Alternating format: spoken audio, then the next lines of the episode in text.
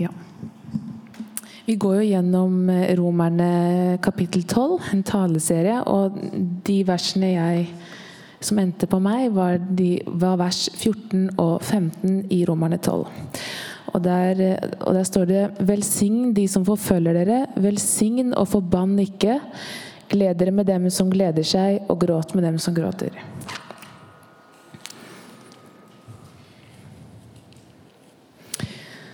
Og eh, det er ganske tøffe vers. Eh, det kan virke litt eh, det kan kanskje, Vi kan være litt avskåret fra det. For vi har ikke ennå opplevd åpenlys forfølgelse. Men det å skulle velsigne den som forfølger oss, at det er noe Paulus oppmuntrer oss til, er ganske, det er ganske tøft, faktisk. En annen ting jeg la merke til som med en gang, er det at han, han, sier 'forbann ikke'. At det på en måte er noe som skulle ligge oss veldig nærliggende for oss. At vi kunne ønske å forbanne de som forfulgte oss. At han var veldig, han sa 'dere må ikke forbanne, velsign'. Hmm. Um, så når jeg da drev og forberedte disse tingene, da, så når jeg satte meg litt dypere ned med, med, Guds ord i det her, så falt det på meg en veldig gudsfrykt når jeg eh, ja, studerte disse ordene. Og jeg fikk en veldig ærefrykt for våre søsken som har gjennomgått de mest forferdelige ting pga. deres tro på Herren Jesus, som er den samme vi bekjenner. Og de velger å velsigne dem som plager dem, som eh, skader dem. Og det er våre søsken som, eh, som velger å heller velsigne enn å forbanne. Og da fikk jeg, Det bare falt meg en stor ærefrykt for Jesus. da. Hvem er egentlig Herren Jesus, som vi bekjenner? Hvem er han vi tilhører i menigheten? Som oppfordrer oss til å elske våre fiender og til å velsigne den som kan torturere oss. Hvem er denne, hvem er denne guden vi tror på? Og jeg fikk en eh, Og jeg håper jeg kan videreformidle den litt til dere også. En veldig ærefrykt i hva det vil si å stå i Guds forsamling. da. Vi har en skare rundt oss som har opplevd de helt mest forferdelige ting, og allikevel velger å velsigne de som utsetter dem for helt forferdelige ting. Og det kan jo for oss nå virke veldig fjernt, kanskje, men uh, um, allikevel, disse ordene er like mye til oss som til eh, noen andre. Så hva vil det si å velsigne? Velsigne vil si at man ikke bare gjør det i ord. Man velsigner ikke bare med ord, men man, vil, man har et, et, ønske, et hjerte, at man ønsker den andre det beste. Um, så det er jo en hjerteholdning, da. Og forfølgelse, en definisjon på det, er en eh, krenkelse fra maktpersoner eller myndighetspersoner overfor et individ eller en gruppe. Så her er det jo pga. tro. Nå, det jeg skal snakke mest om i dag, eller i hvert fall for å prøve å relatere det litt til oss, er eh, at vi har alle her blitt krenka, helt sikkert, og blitt påført sår av mange andre og hvordan vi kan velsigne dem som har såret oss veldig dypt. Um, kommer heller til å prøve å relatere litt til det. Um, siden vi ennå ikke har opplevd veldig sånn åpenbar og vond forfølgelse da, for troen vår. Ja. Og Kan du trykke neste? Um, for å kanskje gjøre det her litt mer sånn eh, Jeg tror at vi kan i den verden og det samfunnet vi lever i i dag, ikke helt skjønne hva det vil si å bli forfulgt. Vi har ikke kjent det på kroppen, da. Så det er vanskelig helt å skjønne liksom kraften i de ordene som eh, Paulus sier her. Eh, men jeg kom over en film som, jeg, som berørte meg veldig, og som jeg ønsker å vise, for at vi kanskje kan liksom koble oss litt på faktisk hva er det Gud oppfordrer oss til å gjøre. Og Den filmen jeg viser nå, er eh, en sann historie eh, fra Romania. Eh, og den er på rumensk, oversatt mye til engelsk. Det er noen ting han sier helt til slutten som han sier på rumensk, som ikke er oversatt. så jeg vet ikke egentlig hva det sier, men eh, man forstår det ut fra settingen sånn cirka. og så, um, og så er det, det er noen sterke scener. Jeg hadde ikke forventet at det skulle være noen under 18 her. men, eh, men ja, det er noen sterke scener, så er dere klar over det. Ok, snur film.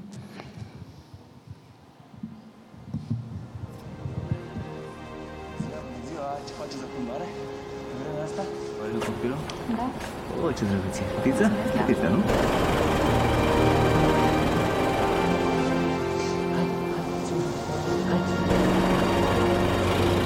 On February 29, 1948, a pastor was kidnapped from the streets of Romania.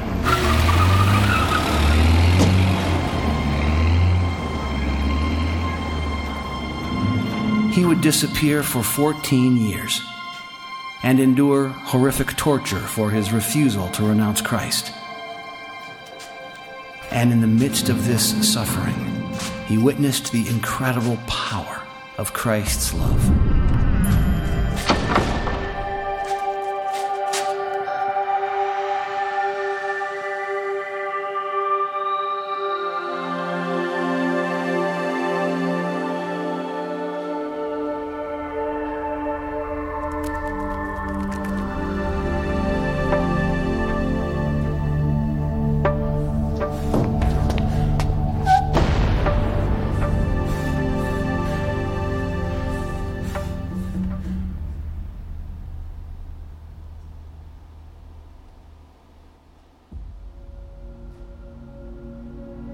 After being arrested, I spent the next three years in a solitary cell. It was enough to drive any man mad.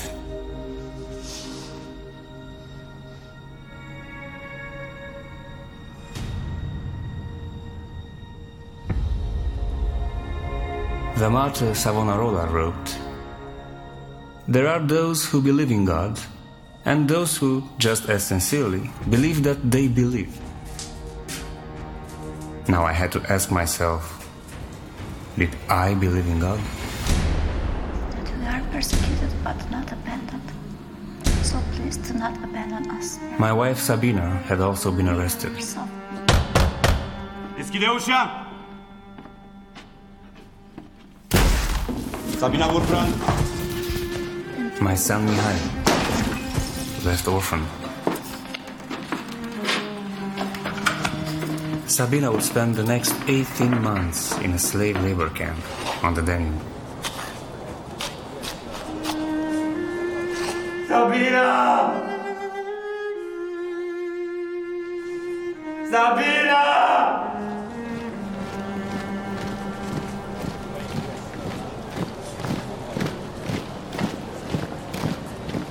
In these my darkest hours, my only hope was in prayer.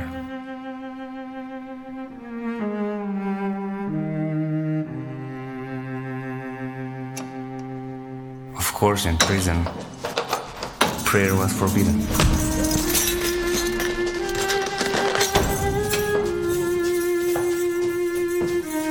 In spite of the beatings, I prayed every day. I prayed God would give me strength to endure.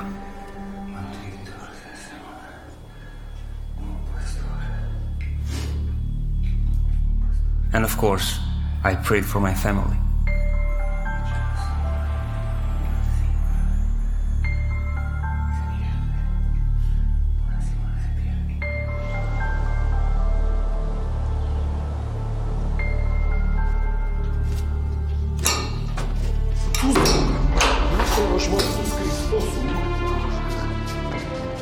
My feet were beaten so often and so brutally.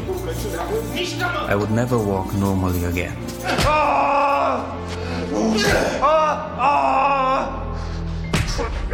I'm sorry if a crocodile eats a man, but I cannot reproach the crocodile. I had learned the same can be said of my torturers. Communism had stripped them of any form of humanity and only God's love could restore them.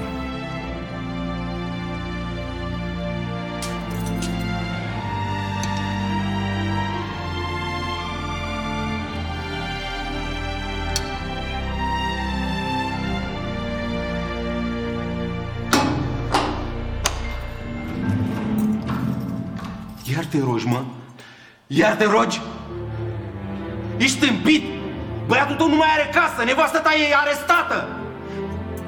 Viața ta e distrusă, mă, băiatule, și tu te rogi în continuare la Dumnezeul al tău care nici măcar n-are chip.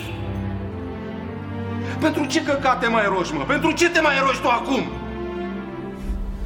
Mă rugam pentru tine.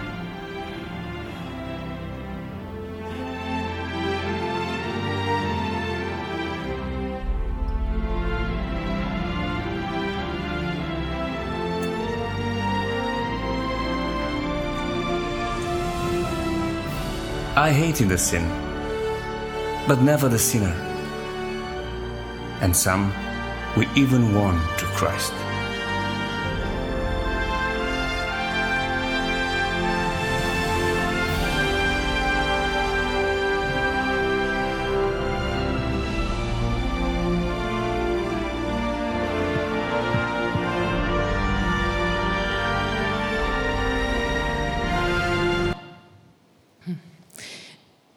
Ja, jeg syns det, det rører meg, da.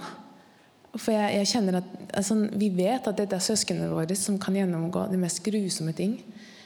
Og allikevel så ha, opplever de Guds kraft til å velsigne. Og, jeg, og når jeg tenkte på det her, da, så, så slo det meg ok Hvis forfølgelse skal ha noe mening, så må, og man allikevel kan greie å velsigne når man opplever lignende Vi vet at dette er en realitet, og mye verre skjer. Um, hvis at det å skulle velsigne de som forfølger oss, i det hele tatt skal ha en mening, så må det være fordi man har en kunnskap, en innsikt en forståelse av at denne verden ikke er mitt hjemland, men vi har det himmelske er vårt hjemsted. Og det tror jeg er helt avgjørende for oss i den tiden nå også, å virkelig få kjennskap til hvem Jesus Kristus er, og hva, hva som er oss i vente. da. Eh, Vi vet at vi skal stå framfor Herren selv. Um, Vi vet at vi har et hjem hos Gud selv. Og opplever vi forfølgelse, så tror jeg det er så viktig å, å vite hvor hjemlandet vårt er. At det ikke er her, men at, er, at vårt liv er skjult med Kristus. da.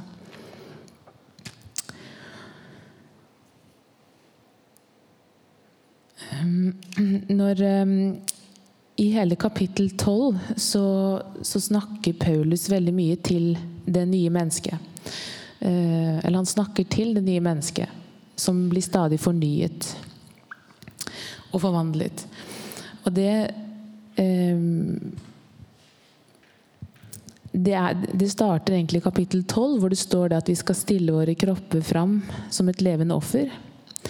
Eh, og det er vår åndelige gudstjeneste. Og det er egentlig litt spennende at han bruker eh, at det er vår åndelige gudstjeneste som får direkte uttrykk i hvordan vi bruker kroppene våre.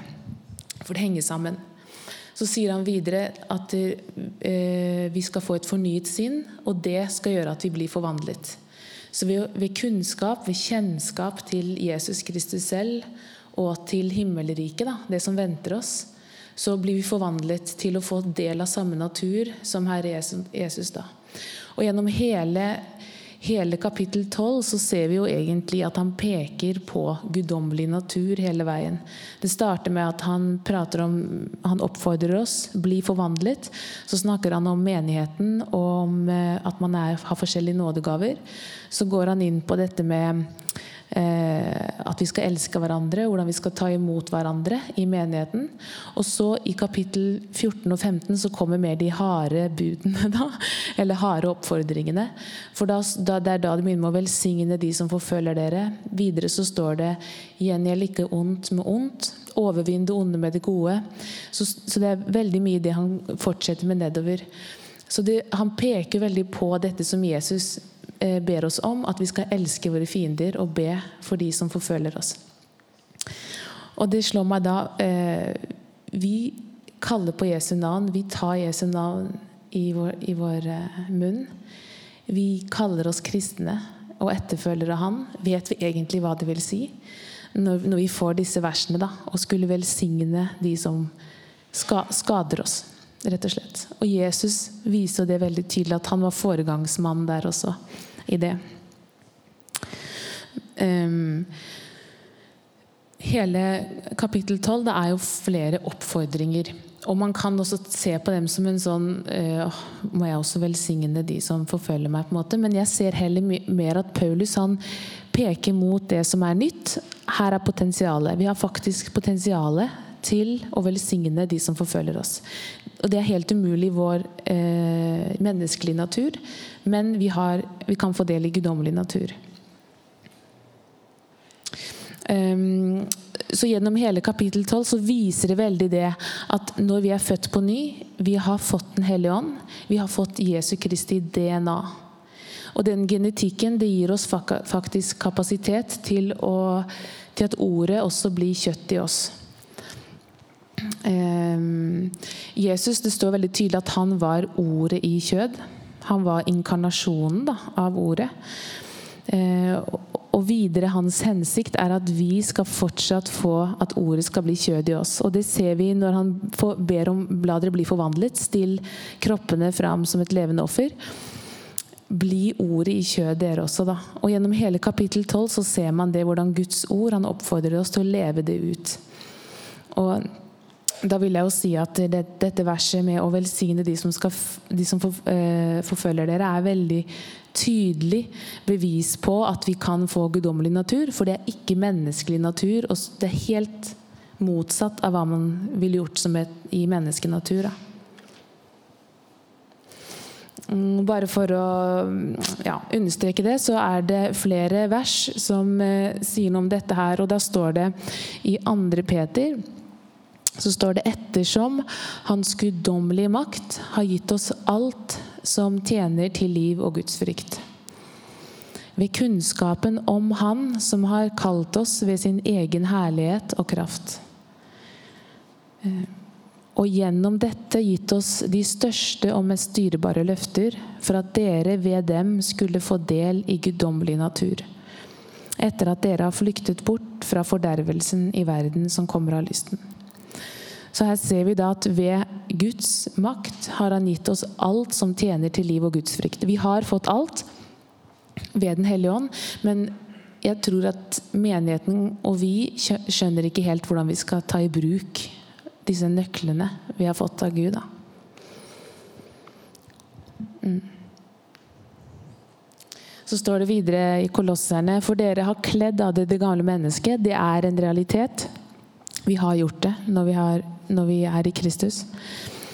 Og dere har iført dere det nye, som blir fornyet til kunnskap etter bildet av Han som skapte det. Så ved kunnskap blir fornyet. Fornyet i sinnet vårt, dermed forvandlet.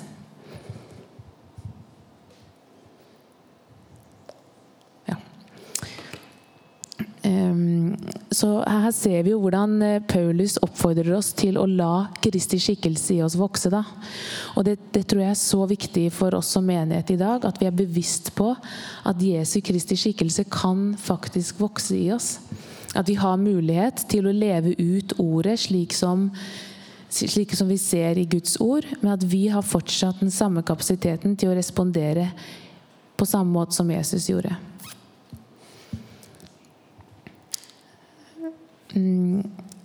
Dette med kunnskap, da, at vi, vi, må kjenne hvem Jesus er for at vi skal eh, kunne leve hans ord. Vi må vite hvem han er, og jeg kjenner at eh, det er veldig mye jeg ikke kjenner med Jesus ennå. Eh, jeg kjenner litt, men det er mye jeg ikke kjenner ved ham. Um, og det er mye jeg ønsker å få større kjennskap til um, med realiteten i Guds rike. Da, det vi allerede lever i. Og når jeg drev og forberedte det her, så hadde jeg var stressa på mange ting. Um, ja Mange ting som tok opp mye kapasitet i hodet. da. Og når, når jeg da forberedte det her, og, jeg, og gudsfrykten falt på meg, jeg skjønte at oi, forfølgelse, det er en realitet. da for, for, min familie, altså mine søsken. Jeg står i direkte kontakt med dem i Jesus Kristus. Og de opplever de mest verste ting tenkelig, og allikevel elsker de Jesu navn. Eh, de er i direkte forbindelse med meg i Jesus Kristus. Og det bare slo meg da Oi, hva er det jeg driver og surrer med? Måte? Hva er det jeg driver og, og bryr meg så mye om? Om jeg jobbet overtid den mandagen eller det, det er så mange ting man kan være opptatt av. Eh, som når forfølgelse blir noe man skjønner når, man kjenner på det, så det mister all sin Det blekner bare. Det har på en måte veldig lite å si. Og det samme også jeg tror jeg er så viktig for oss, selv om vi ikke erfarer det ennå. At vi prøver å jobbe på og oppmuntre hverandre til å ha blikket retta på Jesus og hva som vi har i, i vente. Da. For vi, vårt hjemland er ikke her, men vårt liv blir åpenbart når Jesus kommer igjen. Og Jesus viser jo veldig tydelig hva slags sinn han hadde i dette her. Og det, i hebreerne så står det Det har Forfatteren av hebreerne har da eh, sagt mye om de troende. Han ramser opp en rekke troende i Gamle Testamentet som levde i tro. Og han eh, forteller også at de måtte lide mye martyrdør. Han skrev at en ble saget i to. De, de levde i, de, i, denne verden som utlendinger. Eh, de regnet denne verden som ikke sitt eget, men de ventet på det som kom. Selv om de ikke så løftene oppfylt, så ga de avkall på det denne verden her hadde, da, og levde i tro. Så det nevner han først, og så sier han derfor når vi har en så stor sky av vitner omkring oss Altså alle våre søsken i vår slekt helt fra Abraham og opp, opp til oss har mange av dem har opplevd helt forferdelige ting og allikevel elsket Herren Jesu navn. Når vi har da en stå, så stor sky av vitner omkring oss, så la oss legge av oss alt som tynger, og synden som så lett fanger oss inn, og med utholdenhet fullføre det løpet som ligger foran oss. Med blikket festet på ham som er troens opphavsmann og fullender, Jesus. For å få den gleden han hadde i vente, så han visste hva han hadde i vente. Så holdt han ut på korset uten å bry seg om skammen. Og nå har han satt seg på høyre side av Guds trone. Ja, tenk på ham som holdt ut en slik motstand fra syndere, så dere ikke blir trette og motløse. Ja. Jesus visste hva som venta han. Han visste hvem han tilhørte. Det gjorde at han greide å utholde, de, altså han korset, de mest forferdelige ting. Videre i hebreerne, så bare for at vi skal mer forstå våre søsken da, som tåler dette her, som står i dette her. Hva er det som ligger i dem? Hvor har de blikket sitt? Og videre i hebreerne så står det eh, Forteller han litt om hvor vi har kommet. Vi har ikke bare kommet til Metodistkirken eh, i kveld. Vi har kommet til et helt annet sted. Og da nevner han først fra Gamle Testamentet, i GT, der står det når Moses fikk eh, de ti bud, så kom Guds herlighet over Sinai-fjellet. Og Da står det dere er ikke kommet til et fjell der dere kan ta, som dere kan ta og føle på. Ikke til flammende ild, skyer, mørke og storm. Ikke til gjallende horn og en røst som talte slik at de som hørte den, ba om, at, om å bli spart for å høre mer. For de kunne ikke tåle den befalingen som ble gitt. Om så et dyr kommer nær fjellet, skal det, skal det steines. Ja, så gruvekkende var synet at Moses sa, Jeg skjelver av skrekk. Nei, dere, altså vi, har kommet til fjellet Sion, til den levende Guds by, det himmelske Jerusalem, til titusener av engler, til en høytidsfeiring til forsamlingen av de førstefødte som er oppskrevet i himmelen. Dere er kommet til en dommer som er alles Gud, til åndene av de rettferdige som har nådd fullendelsen, til Jesus, mellommannen for en ny pakt, og til det rensende blodet som taler sterkere enn Abels blod. Vi har kommet dit. Vi står der, da. Vi står i forsamlingen til de førstefødte som er oppskrevet i himmelen. Og til åndene av de rettferdige som har nådd fullendelsen.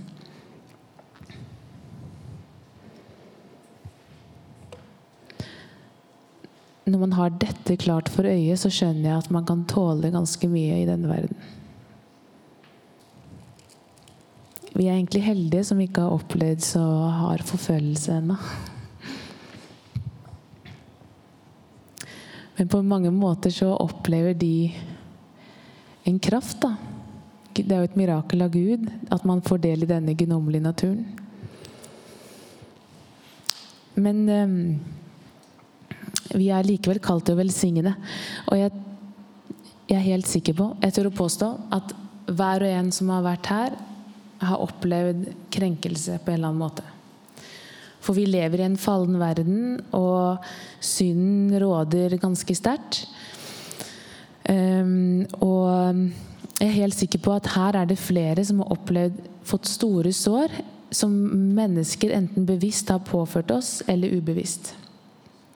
Uh, jeg, no, jeg, er helt sikker på at ingen er spart. Jeg tror noen har fått dypere sår enn andre. At det, det er ikke likt fordelt. Men jeg tror alle vet hva det vil si å bli påført mye vondt fra et annet menneske. Og ønsker vi dem alt godt? Hvis vi er helt ærlige med oss selv? De som har påført oss sår. Det kan være overgrep. Eh, det kan være sviktende foreldre, baktalelse, mobbing som virkelig setter seg dypt i hjertet og dypt i sjelen. Og det kan frarøve oss mange år fordi det skaper så mye trøbbel i etterkant. Og jeg bare tenker sånn Ønsker vi de personene alt godt? Av hele hjertet, liksom? Kjenner vi at åh, jeg bare ønsker den personen alt godt, altså. Hvis vi er helt ærlige.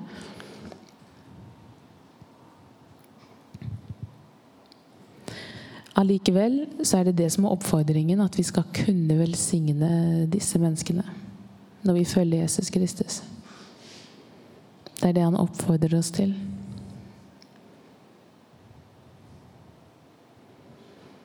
Og det er det han har satt oss i stand til òg. Og det er ikke menneskenatur å gjøre det. Menneskenaturen er at man har lyst til å hevne seg man har lyst til at de skal lide for det de har påført oss, f.eks. Men det er ikke guddommelig natur. Og vi, alle, vi, er alle mennesker, vi har menneskenatur, men Kristi skikkelse kan få mer og mer plass i oss. Sånn at vi blir satt fri til å kunne virkelig velsigne med hele våre hjerter de som skader oss og har skada oss. Det er det Jesus kaller oss til. Mm. Og jeg tenkte for, for, Når man liksom skal begynne å prate om å skulle velsigne noen, så føler jeg at man må ta steget først tilbake og snakke om tilgivelse. For før man virkelig kan velsigne en person av hele sitt hjerte, så må man først tilgi den personen av hele sitt hjerte. Det går ikke an å tvinge fram at man skal velsigne en person. Det tror jeg ikke. Og Derfor måtte jeg bare si litt om tilgivelse òg, fordi tilgivelse er helt fantastisk. Det er helt fantastisk. Og det er en så viktig del av Kristuslivet. Etterfølelse av Jesus Kristus handler så mye om tilgivelse. Um, det er en universalnøkkel for frihet som jeg tror på en måte det er ikke så godt undervist om. Eh, dette gikk opp for meg for et år siden, hvor viktig tilgivelse var. Eh, og det har vært helt Det har, gjort så mye i, i, meg. Så jeg tror at for å i det hele tatt skulle kunne velsigne de som skader oss, så må vi først tilgi, da. Og tilgivelse er eh, Det er en åndelig lov, da. Det å tilgi. Hvis man ikke tilgir, så er man bundet til denne personen. Og det, det står i Matteus 18 eh, så står det om denne ubarmhjertige tjeneren som eh, skyldte Herren, da, som skyldte Gud, egentlig 10 000 talenter.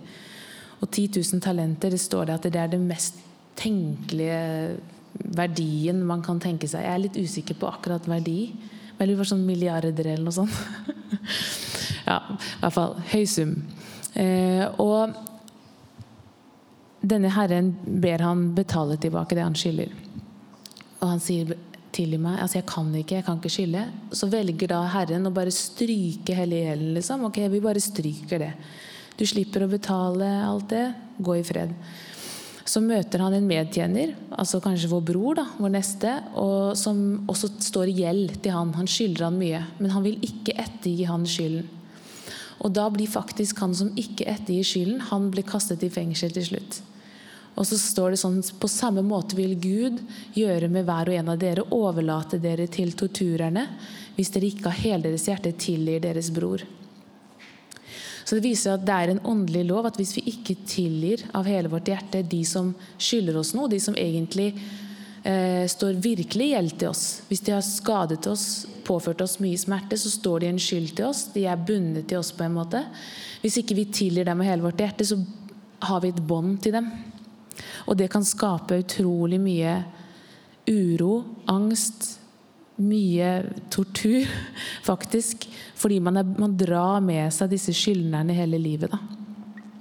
Man er ikke fri fra fortiden. Men eh, Så tilgivelse og det å tilgi noen er egentlig ikke fordi at de fortjener tilgivelse. Vi gjør det ikke av den grunn. Vi tilgir for vår egen del. Vi ettergir dem skylden for at vi kan stå fri. Og vi kristne er jo helt i en særegen stilling til å kunne tilgi. Eh, jeg jobber i psykiatri, og det er så mange psykiske problemer som kommer av at de ikke har tilgitt de som har skadet dem. Eh, men det er vanskelig for dem å skulle tilgi, for de har ikke selv erfart at de har blitt tilgitt i første omgang. Så det å da skulle bare stå der som en frelse selv og tilgi, det blir jo veldig vanskelig. Eh, men vi vet at Herren Jesus tilgir. Han gjør det ikke fordi han syns det han er sånn gode følelser og sånn overfor oss. Han velger å tilgi. Og Det samme tenker jeg med oss. Ehm, når vi har erfart at Jesus Kristus valgte å tilgi oss det vonde og grusomme vi har gjort, så er vi satt i stand til å velge å tilgi de som har gjort eh, grusomme ting overfor oss.